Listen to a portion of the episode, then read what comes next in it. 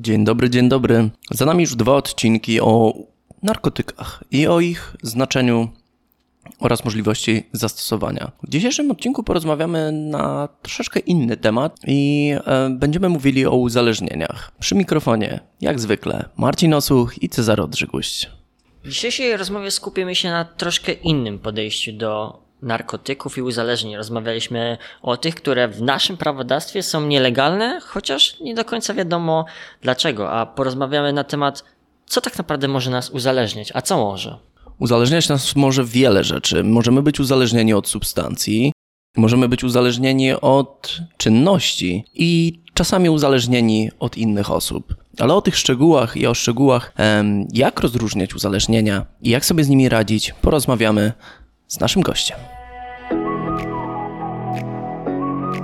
Na ten temat porozmawiamy z panem Robertem Rejniakiem, certyfikowanym specjalistą psychoterapii uzależnień, członkiem Motivational Interviewing Network of Trainers, terapeutą, trenerem i superwajzorem Polskiego Towarzystwa Dialogu Motywującego, przewodniczącym zarządu Polskiego Towarzystwa Zapobiegania Narkomanii w Bydgoszczy, moim rodzinnym mieście, kierownikiem poradni profilaktyki i pomocy rodzinie PTZN w Bydgoszczy.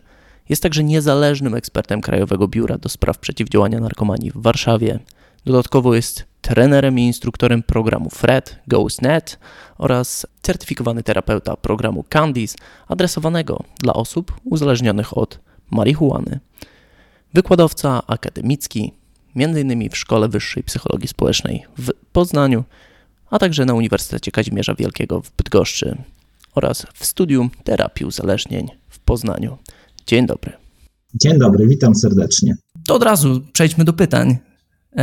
Pana temat, Pana pasja, czy to nad czym Pan pracuje i czym się zajmuje każdego dnia, myślę, że więcej niż 8 godzin dziennie, to badanie i wspieranie osób uzależnionych. Ale czym tak na dobrą sprawę z takiego naukowego i psychoterapeutycznego punktu widzenia jest uzależnienie?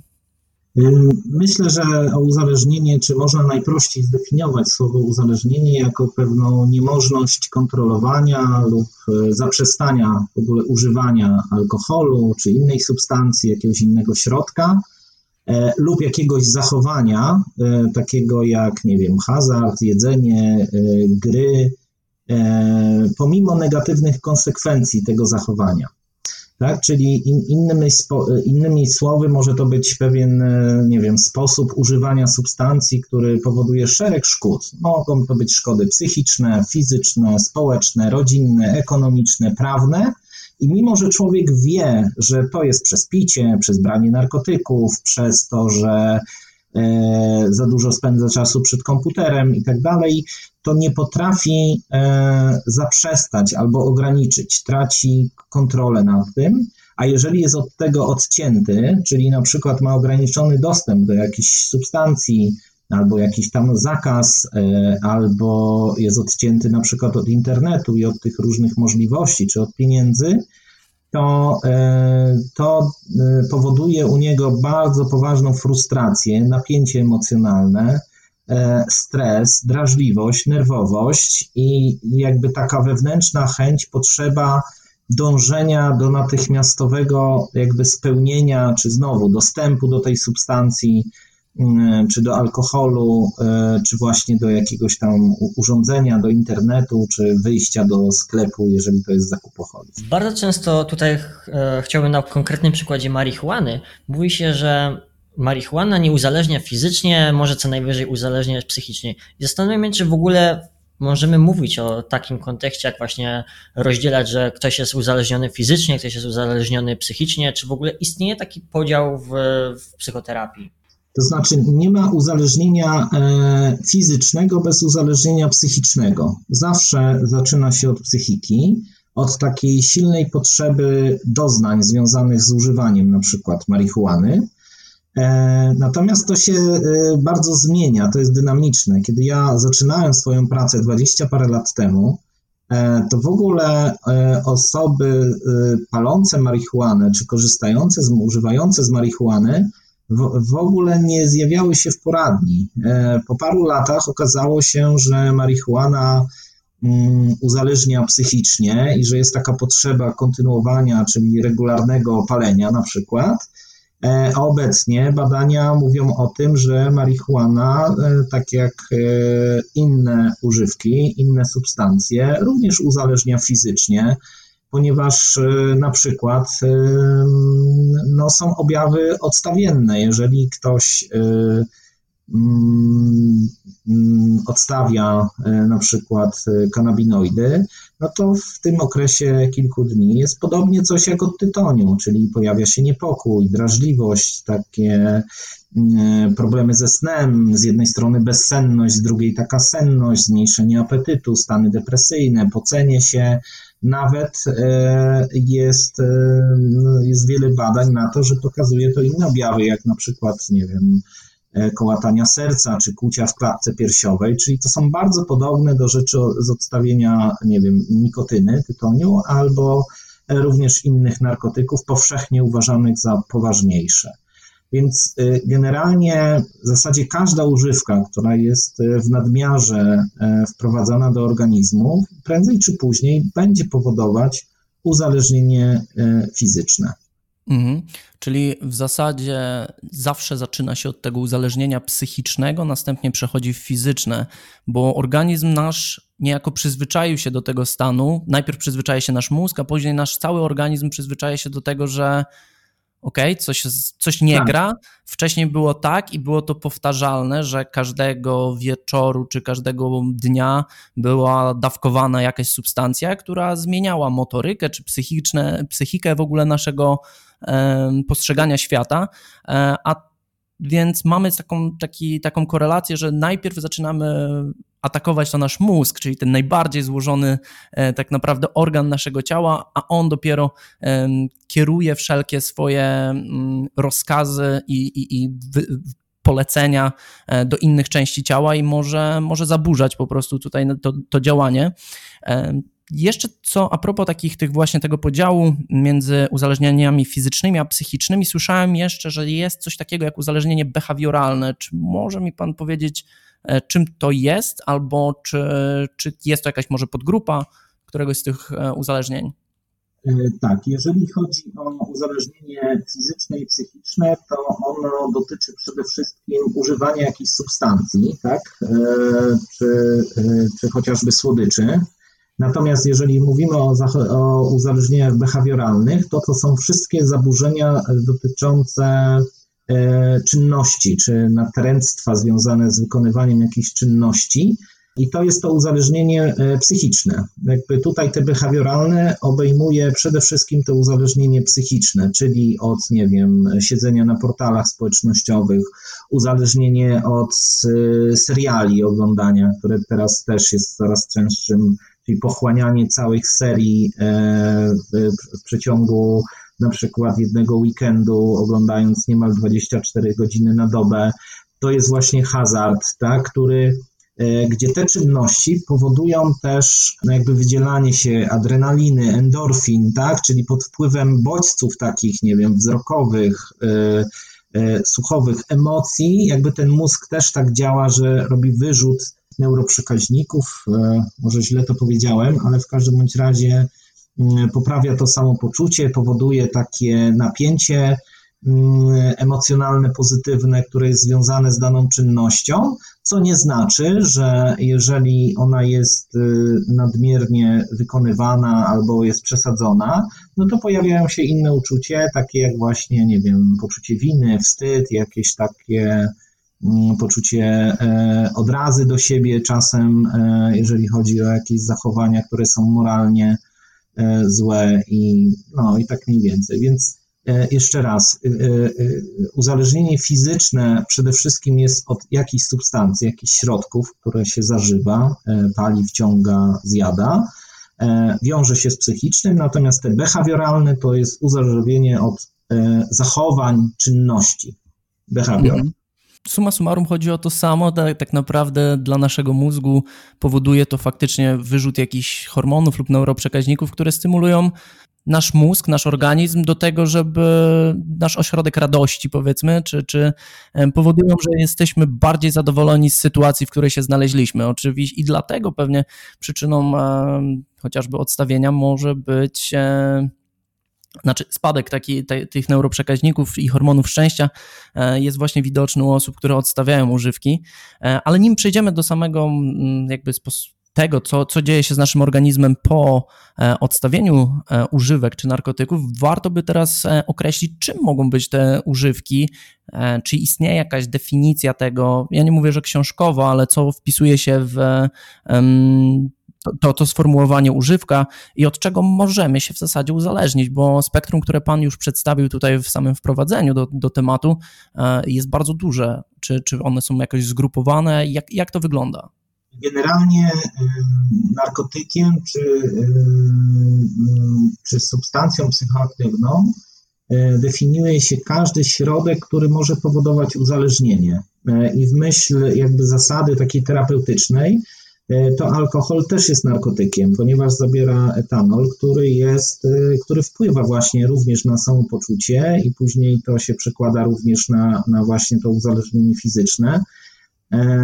Czy powiedzmy ko kofeina, e, amfetamina, kokaina, jakby różne, różne substancje zawarte w różnych produktach mogą spowodować to uzależnienie, bo regularne ich używanie będzie, y, będzie y, no, powodowało, powodowało jakieś tam konsekwencje i następstwa, mniej lub bardziej groźne dla zdrowia, ale powoduje to y, pewien zespół uzależnienia. Nie? Czy może powodować pewien zespół uzależnienia, jeżeli to jest rutynowo, regularnie i w nadmiarze bardzo często i coraz więcej, bo to jest też związane ze wzrostem tolerancji na daną substancję, wzrostem tolerancji organizmu na daną substancję. Mhm. Czy właśnie ten wzrost tolerancji, tak e, teraz e, mnie naszło, nie jest najczęściej przyczyną tych przedawkowań, które, które no, mogą skutkować śmiercią? W przypadku kofeiny pewnie nie jest to może aż tak e, e, słyszane, ale no, w przypadku pewnie innych substancji psychoaktywnych e, typu kokaina czy, czy, czy właśnie nie wiem, metamfetamina czy amfetamina, no może dojść do takiego sytuacji, że my jesteśmy już na tyle przyzwyczajeni, że dążymy do tych większych dawek, a te większe dawki no, są dla naszego organizmu e, śmiertelne. Tak, może się okazać, z racji, że e, żaden dealer nie przekazuje takiej ulotki, jak jest w lekach, ile amfetaminy jest w tej amfetaminie, tak, czystej.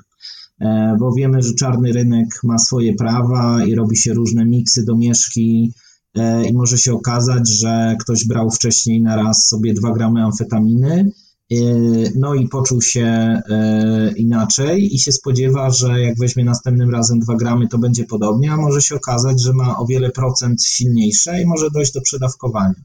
Ale te przedawkowania też są związane z różnymi lekami psychotropowymi, takimi z grupy benzodiazepin, barbituranów, takie, które mm, to są dość stare leki, ale nadal są w medycynie używane jako takie wyciszacze, uspokajacze, e, od których bardzo łatwo się uzależnić. E, ja e, śmiem mówić, że najwięcej tak czy siak mamy uzależnień od legalnych substancji, tak? czyli populacja uzależniona od alkoholu, od tytoniu, no może nawet na pierwszym miejscu od nikotyny, od alkoholu i od leków. To jest w ogóle pierwsza trójka e, problemów, przynajmniej w naszym kraju, ale myślę, że, e, że mogę to powiedzieć, że to jest jakby w całej Europie czy na świecie, mm, że to, jest, to są najbardziej po, powszechne rzeczy.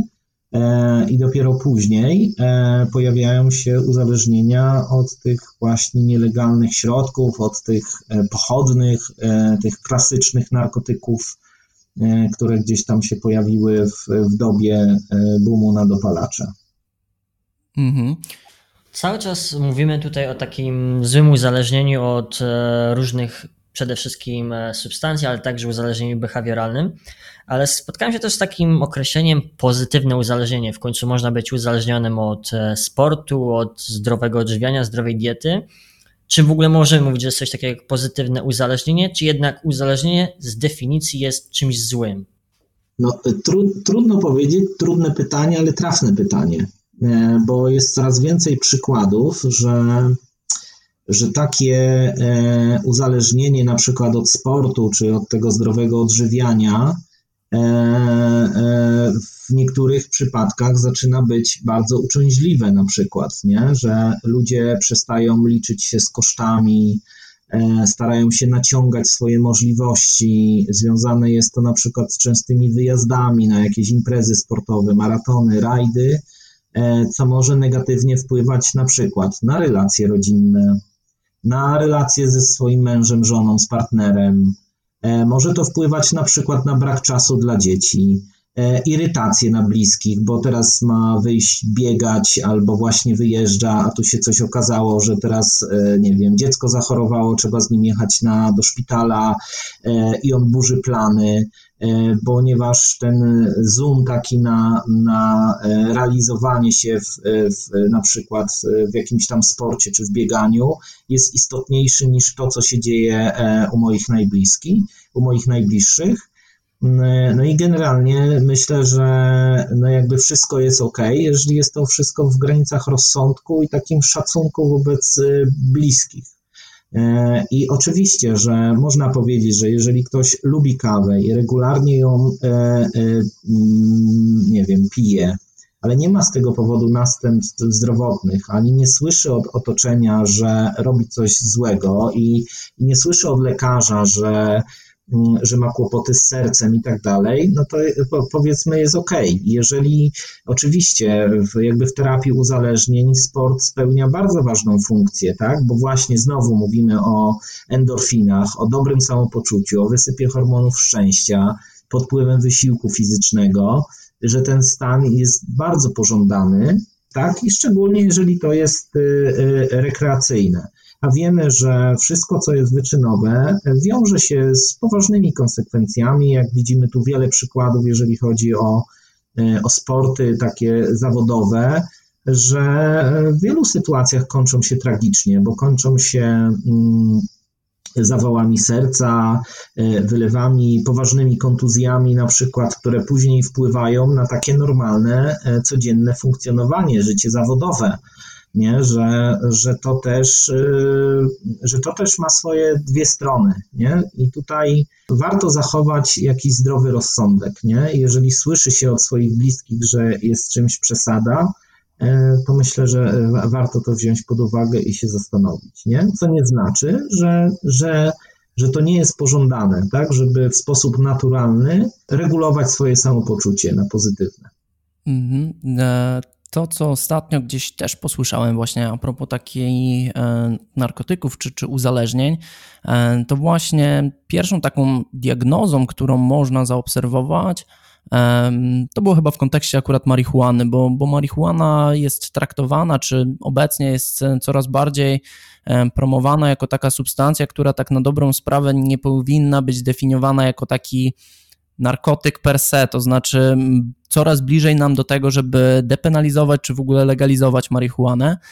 Właśnie jedną z takich głównych um, przykładów tego, kiedy możemy się zorientować, że uzależnienie no, zaczyna nami kontrolować, to właśnie zmiana z e, sytuacji rodzinnej, czy w ogóle zmiana e, sytuacji naszej takiej życiowej i destabilizacja tego, że wcześniej e, było tak, ale przy regularnym korzystaniu już nie mamy pewnych nawyków, pewnych rzeczy nie robimy i tak jak właśnie tutaj pan idealnie zaprezentował w przypadku sportu i, i, jakiejś sytuacji rodzinnej, kryzysowej, nie myślałem, że to aż takie żniwo może sport zbierać. Z pewnością e, chyba tutaj na taki najlepszy przykład przyjdzie praca, która, którą e, nadużywamy w XXI wieku, myślę, e, niemiłosiernie i każdy dąży do tego, żeby osiągać sukces, e, każdy dąży do tego, żeby zasuwać na najwyższych obrotach, robić pieniądz, a nie zastanawia się nad tym takim coachowo, to zabrzmi work-life balance. To tylko taka luźna, luźna, luźna myśl. A a propos jeszcze biegania, to ja już się rozgadam. Nie wiem, czy to jest e, jednym z sposobów może właśnie wychodzenia jakichś uzależnień, czy jak to, jakkolwiek to nazwać, ale ja mam tak z bieganiem, e, że jak biegam, to muszę mieć odpalone Endomondo slash aplikację, która mierzy mi czas. Rywalizuję niejako sam ze sobą. To bardzo mnie nakręca. Czy to nie jest, za, nie mogłoby być w pewnym momencie za niebezpieczne dla mnie, że ja e, stawiam sobie poprzeczkę gdzieś, prze, przekraczam ją i tak nieustannie dążę do czegoś większego. Czy to już nie jest takie e, zły symptom tego, że rekreacyjne powinno być bieganie, a nie zawodowe i tutaj ja nawet przez moment nie aspirowałem do takiego. Walka ze samym sobą albo rywalizowanie ze samym sobą ma bardzo fajny kontekst. W przypadku na przykład terapii uzależnień, e, to jest trochę, jak ja to nazywam, takie zwalczanie tej drugiej e, ciemnej strony, nie? że na przykład na na jednym ramieniu siedzi aniołek, a na drugim diabełek, który podpowiada, a zrób to jeszcze i tak dalej, a drugi to jednak stara się wyciągać i jakoś znaleźć e, tutaj kompromis. E, no tak, ale to się będzie wiązało, to co Pan powiedział, a propos e, później, że jednak, nie wiem, będę biegał dłużej albo zacznę coś tam jeszcze robić dodatkowo. Natomiast jakby samo poprawianie i jakby swoich wyników, myślę, że ma pozytywny kontekst. Nie? Zawsze mm, ja to, co biorę pod uwagę, więc genera, generalnie każdy człowiek skieruje sobą. Nie? I jeżeli, jeżeli moje zachowanie czy moje używanie jest akceptowane e, przez moje otoczenie, nie wpływa destrukcyjnie i nie destabilizuje, jak to już powiedzieliśmy wcześniej, mojego takiego życia, nie wiem, zawodowego, rodzinnego, jakby wszystko jest ok, nie? Bo może być również tak, że ktoś, nie wiem, codziennie e, pije e, piwo, jedno sobie, i to jest akceptowane przez jego bliskich. Nie ma z tego powodu następstw, e, nie ma potrzeby picia więcej, ma jakieś tam przerwy, kontroluje. To tak naprawdę nie ma podstaw, żeby ktoś chodził na terapię i on tego nie będzie czuł. Jego bliscy też nie będą tego czuli, nie? Ale jeżeli ktoś robi to samo, i schodzi, żeby wypić to piwo, schodzi do piwnicy y, albo idzie z psem na spacer, żeby szybko sobie strzelić piwko, albo, y, albo kupić setkę y, w wiadomym sklepie przygotowaną, gdzie pani już wie, że ta wiśniówka jest jak pan wchodzi E, w tej kurtce, to wiadomo, że ma odliczone pieniądze i albo schodzi do garażu i ukrywa to przed swoimi bliskimi, bo wie, że to już przybiera taki rozmiar, no to jest problem, nie? Mimo, że to mogą być niewielkie ilości, on się nie nawali nie wiadomo jak, tylko y, jest też e, rauszujący, tak? Że ma, że ma chęć jakby pozyskania pewnego poziomu samopoczucia takiego, które daje mu ulgi z różnych tam powodów i czym ktoś jest bardziej uzależniony, tym ma więcej e, alibi dla swojego picia czy tam używania czegoś, nie? I podobnie jest, e, e jest wiele osób, jeżeli tu mówimy o tej marihuanie, e, że jest wiele osób, które jakby korzysta z tej marihuany w sposób taki sporadyczny, e, nie wiem, kilka razy w roku, i to też nie musi wpływać na destabilizację jego, jego życia, no ale jeżeli on e, pali tą lówkę, czy robi sobie blanta, jointa e, i wychodzi na balkon, bo żona już zasnęła, bo dzieci śpią i wie, że to jest nieakceptowane i robi coś, co e, może wpłynąć na jego relacje, że może grozić to rozwodem, może to grozić odsunięciem się bliskich, no to mhm. jest to problem znowu. A czy właśnie przez swoją drogę zawodową miał Pan okazję pracować terapeutycznie właśnie z osobami uzależnionymi z pozoru właśnie normalnymi rzeczami, właśnie typu wspomnianym sportem, odżywianiem itd., tak gdzie z pozoru nie jest to rzecz, gdzie byśmy uważali, że jest uzależnienie, a jednak okazywało się, że trzeba z taką osobą pracować i mieć terapię. Bardziej, e, bardziej jak tu na, e, na liście panowie z osobami, które wpadły w pracoholizm, tak, które zatraciły się, jeżeli chodzi o pracę, e, bo to bo o tym jakoś jest e, łatwiej mówić, a jednak u nas ciągle sport ma konotację bardzo pozytywną. Pracoholizm e, występuje. Nie? Nie, nie, nie spotykam się w mediach e, z hasłem uzależnienie od sportu, albo sportoholizm, albo biegaholizm. Nie? Jeszcze nie słyszałem, nie? ale jest, nie wiem, żarłoczność psychiczna, tak?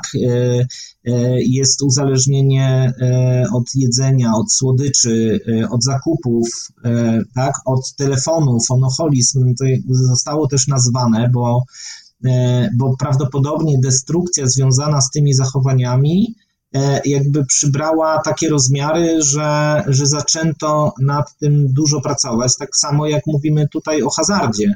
Naprawdę do chyba 2000 2008 roku, czyli powiedzmy 12-13 lat temu, to ja miałem sporadycznie w gabinecie na terapii osoby, nie wiem, uzależnione od ruletki, od grania w pokera, tak? czyli od takiego hazardu typu jak Wielki Szu, bo jak kolega wie, to wie, że w Bydgoszczy były trzy mm, trzy kasyna, dwa w hotelach i jedno, i jedno takie wolne. W tej chwili zostało jedno, bo to są różne regulacje na ten temat, ale było bardzo dużo od e, tam właśnie 2008 e, roku, potem ta afera hazardowa i tak dalej. Było bardzo dużo automatów do gier na stacjach benzynowych, w sklepach monopolowych, całodobowych, nocnych, tak? Takie dziuple były, gdzie stało 10 e, automatów i wtedy był wysyp e, ludzi uzależnionych od hazardu, od takich maszyn o niskich wygranych. Ale te niskie wygrane okazało się, że to często są dwie, trzy, cztery pensje miesięczne tego gracza. I osoba, która miała, która się w te szpony hazardu dała złapać, jakby miała e, takie poczucie, że, że to jest sposób, że jak wrzuci 200 zł, wygra 400, e, no to rozwiąże to tam parę spraw i, i będzie zadowolony i czasem jak się komuś szczęście przytrafiło, to nawet aprobowała to rodzina, że, że jest takim świetnym graczem, ale suma summarum bilans zawsze jest ujemny i zawsze jest tragiczny. Nie? I w momencie, kiedy kiedy mm, jakby zniknęły te automaty, nie? bo miałem wysyp wtedy tych pacjentów, którzy są uzależnieni od tych maszyn, od takiego grania, to jak one zniknęły, to też ci pacjenci przestali grać, jak się okazuje, bo nie mieli gdzie. Część z nich przeniosła się do internetu, ale to już wymaga dodatkowych umiejętności, korzystania z kart, blików, różnych tam e, rzeczy i, i jakby to, się też tam jest taki zmniejszy. element tutaj tej takiej kultury nawet wychodzenia, po prostu pójścia, wypicia, nie wiem, tego jednego piwa do tej właśnie, że ruletki czy rozrywki. Ja faktycznie kojarzę, że były takie miejsca i, i jeszcze za, za, mojego życia młodzieńczego, co prawda nigdy nie grałem, ale jakiś taki minimalny pociąg do tego, tego um, chciałem kiedyś spróbować na pewno. Potem to zniknęło, może i dobrze. Nie wiadomo, gdzie bym był teraz, ale wracając, e, faktycznie hazard przeniósł się do internetu i faktycznie hazard kusi coraz więcej Polaków, myślę, i w ogóle ludzi na świecie. Ja też od czasu do czasu e, obstawiam mecze na przykład piłkarskie. E, tylko po to, żeby czuć ekscytację z oglądania tego meczu. To znaczy, żeby e, mecz dodać mu pewnych walorów takich, rywalizacji, czy, czy w ogóle lepszego kibicowania zespołom.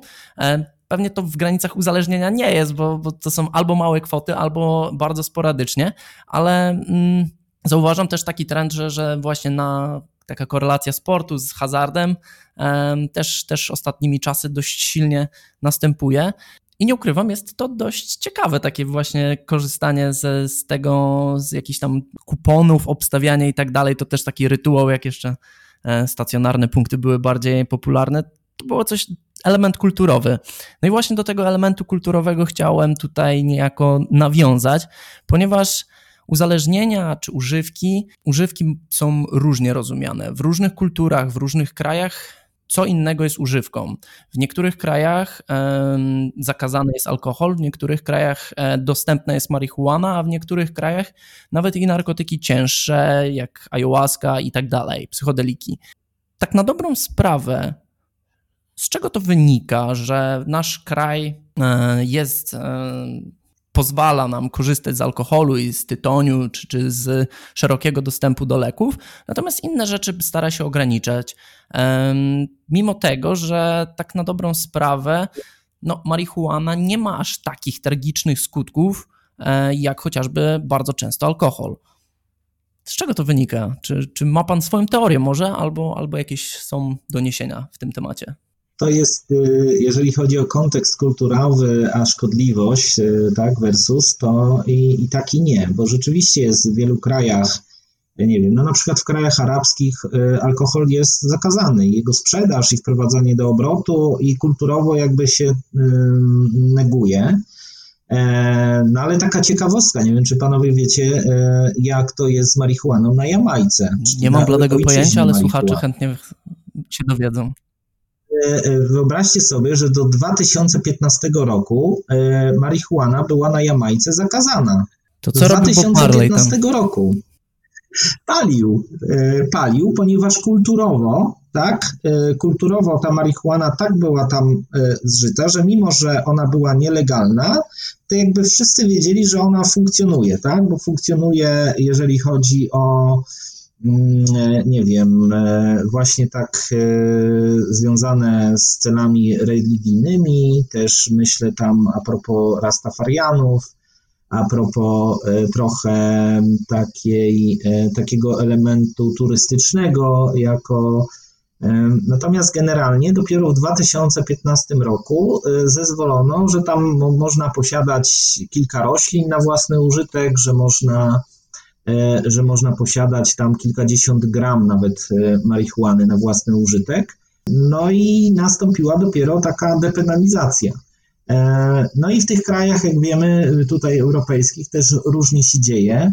Natomiast e, e, ma to kontekst kulturowy na pewno i też kontekst taki, jeżeli chodzi o różne konsekwencje takie społeczne.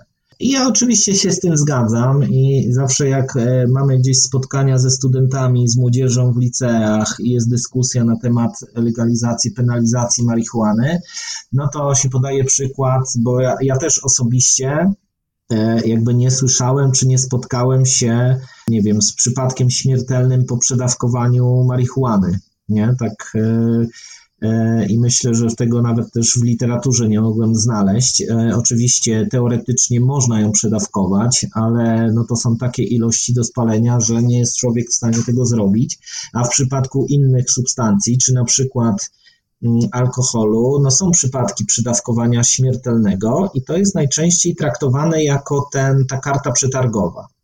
E, natomiast chcę jakby też powiedzieć, że też nie znam e, przypadku przedawkowania nikotyny, że ktoś, nie wiem, palił papierosy, palił, palił i nagle po prostu e, zmarł. Tak, z przedawkowania. Natomiast kultura palenia papierosów w Polsce, to myślę, to jest około no, kultura. Doświadczenie w paleniu papierosów czy nikotyny sięga przynajmniej 150 lat nie? W, w Polsce. I tak naprawdę dopiero w latach 90.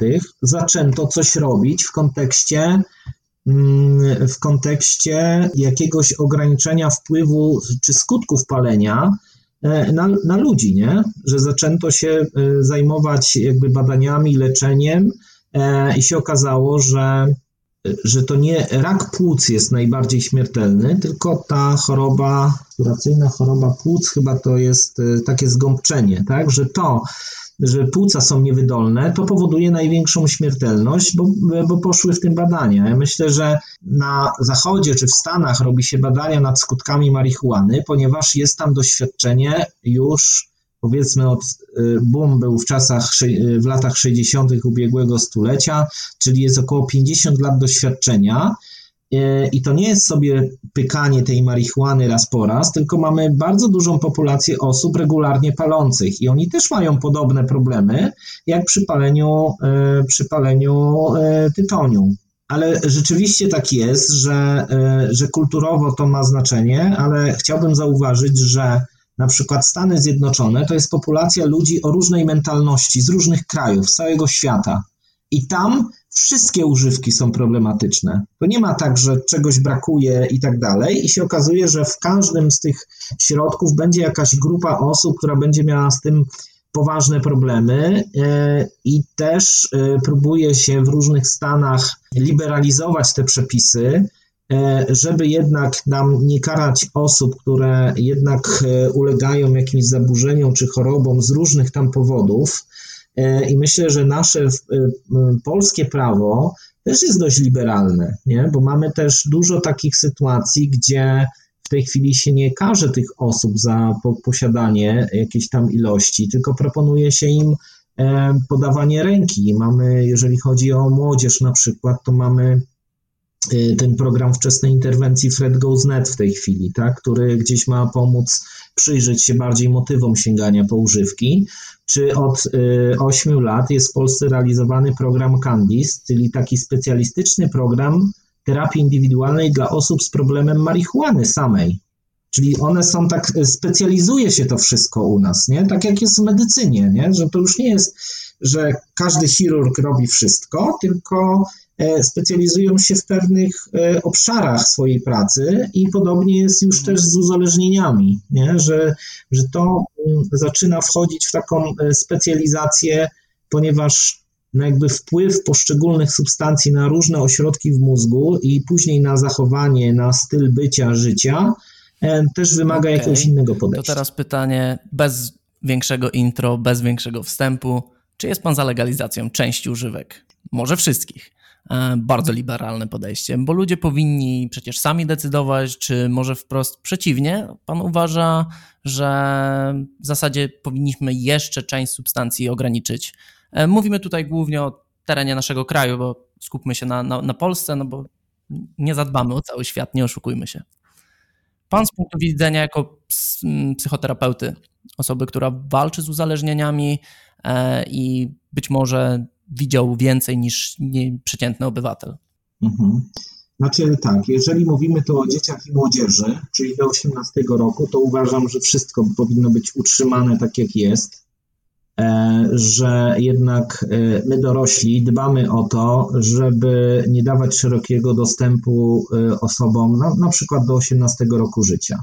Wiadomo jest, że że to jest, y, że wiek dojrzewania jakby charakteryzuje się tym, że jest duża ciekawość różnych rzeczy, chęć eksperymentowania e, i tak to sobie pozostanie. Nie? Natomiast y, nie może być tak, że piętnastolatek mówi, że marihuana powinna być y, tak samo legalna jak alkohol, ponieważ dla niego alkohol jest również nielegalny i tak jest w większości krajów na świecie, a w krajach skandynawskich, na Słowacji czy w Stanach dostęp do alkoholu jest od 21 roku życia. I jeżeli mam tu na myśli młode osoby, e, no to, e, no to my, myślę, że no każdy kraj powinien dbać o bezpieczeństwo i zdrowie, bo tutaj jest jeszcze rozwój, ten rozwój takiego instynktu samozachowawczego.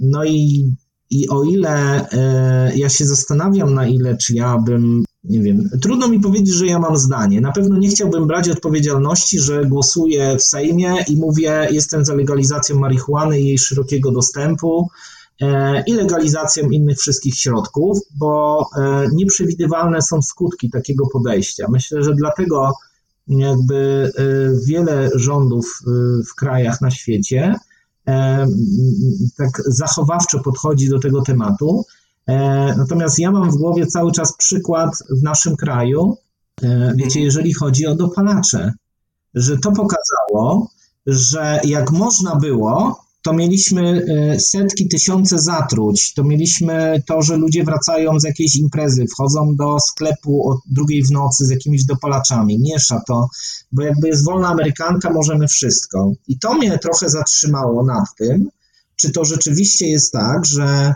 że my jesteśmy gotowi jako społeczeństwo, skoro nie potrafimy ustrzec młodzieży, czy nie potrafimy trzymać się tego, że nie sprzedaje się nieletnim papierosów i alkoholu, czy ta szeroka dostępność nie będzie sprawiała, że po prostu poproszę kolegę, który ma 18 lat, żeby mi kupił dopalacz jakiś, nie? A też statystyki pokazały, że jakby do tej pory, bo to był 2.10 i 2.15 były takie, y, takie wybuchy y, popularności tych dopalaczy, to pokazało, że wcale nie zatruwały się małe, młode osoby, bo być może edukacja w szkołach i jakieś kampanie społeczne na to wpłynęły, tylko dwudziestoparo, trzydziestoparolatkowie, tak, trafiali do szpitala po przedawkowaniu, gdzie można by powiedzieć, no kurka, do, dorosły facet, do, dorosła dziewczyna, tak, dorosła kobieta, jakby bierze coś, będąc pod wpływem alkoholu, e, co jest e, w skutkach e, może się okazać tragiczne. Kolejną rzeczą to jest tak, że, że tak czy siak cały czas mamy problem e, z prowadzaniem jakby nielegalnego tytoniu, alkoholu, że zawsze czarny rynek będzie, bo będzie to tańsze na czarnym rynku. Kolejna rzecz to są właśnie te dark weby, w których też e, e, jakby będzie ten handel trwał prawdopodobnie. I kolejnym, kolejną rzeczą, która daje mi zastanowienie, czy zastanawiam się nad tym, jakby to było, to jest problem jazdy y, samochodami, nie? czy pojazdami mechanicznymi pod wpływem. że to będzie problematyczne a propos rozpoznania. Dziś policja nie ma problemu, żeby alkomatem sprawdzać. Są oczywiście testery na narkotyki, ale ja też nie znam żadnego kraju, na przykład Holandii, żeby można było po marihuanie jeździć samochodem, bo jak ktoś popełni wypadek, to on tak samo idzie do więzienia i to jest jakby rzecz obciążająca. A jak wiemy, marihuana się trochę dłużej utrzymuje w organizmie e, niż alkohol i też cały czas badane są takie efekty psychotyczne różnych narkotyków, czy to będzie marihuana, czy inne środki. I nigdy nie wiadomo, że jak ktoś regularnie pali marihuanę, a nie palił w tym dniu, albo regularnie zażywa amfetaminę czy inne środki, ale w tym dniu akurat nie zażywał, to to, czy jego reakcja na drodze była adekwatna, czy nie, może wynikać na przykład z jakiegoś nagłego napadu lęku, jakiegoś psychotycznej wizji, jakiegoś, te, jakiegoś, jakiegoś zaburzenia i prawdopodobnie zawsze będzie to traktowane, że przyczyną e, tego było używanie narkotyków. Więc jest dużo znaków zapytania. Ja mogę powiedzieć, że z punktu widzenia mojego i tak mamy bardzo dużo pracy. Nie? Że jak jeszcze, e, ja jednak jestem przy tym, że ten szeroki dostęp E, spowodowałby falę. Być może w przeciągu 10 lat jakby to by się ustabilizowało, że być może edukacja e, w szkołach poszłaby w inną stronę. Nie? I, I że nowe pokolenie już by z tego tak, o, bo to jest dostępne, to będziemy to zaraz brać, próbować i tak dalej, ale na pewno e, pierwsze lata będą niebezpieczne. Nawet jeżeli dobrze gdzieś tam przejrzałem internet, to widziałem, że chociażby w kontekście marihuany, bo myślę, że alkohol i tytoń jest tak mocno zakorzeniony w ogóle w kulturze europejskiej, czy w ogóle w e, wielu krajach też e, zachodu, e, jest tak mocno zakorzeniony, że tego nie da się wyplenić i przez to macie państwo generalnie, czy pan ma dużo pracy, ale właśnie tutaj ta Holandia też już zaczyna borykać się z pewnymi problemami, chce odchodzić od tego, od tego nawet jak to się e, ładnie nazywało, e, tej turystyki takiej marihuanowej, to znaczy, że ludzie specjalnie tylko kierowali się do Amsterdamu czy, czy jakiegoś innego e, miasta w Holandii, żeby odwiedzić coffee shop i przeżyć high legalnie, żeby nie musieć robić tego w jakimś miejscu, które, które jest ukryte i tak dalej, e, chować się z tym. Oni też zaczynają się tego obawiać i myślę, że to jest jakaś perspektywa, ta perspektywa, o której Pan mówi tutaj może być z tym, tym powiązana. No i faktycznie, tak jak Pan wspomniał, o tym, nad tym kontekstem się nie zastanawiałem, ale faktycznie niektóre substancje w naszym organizmie zachowują są wykrywane przez długo dłuższy czas.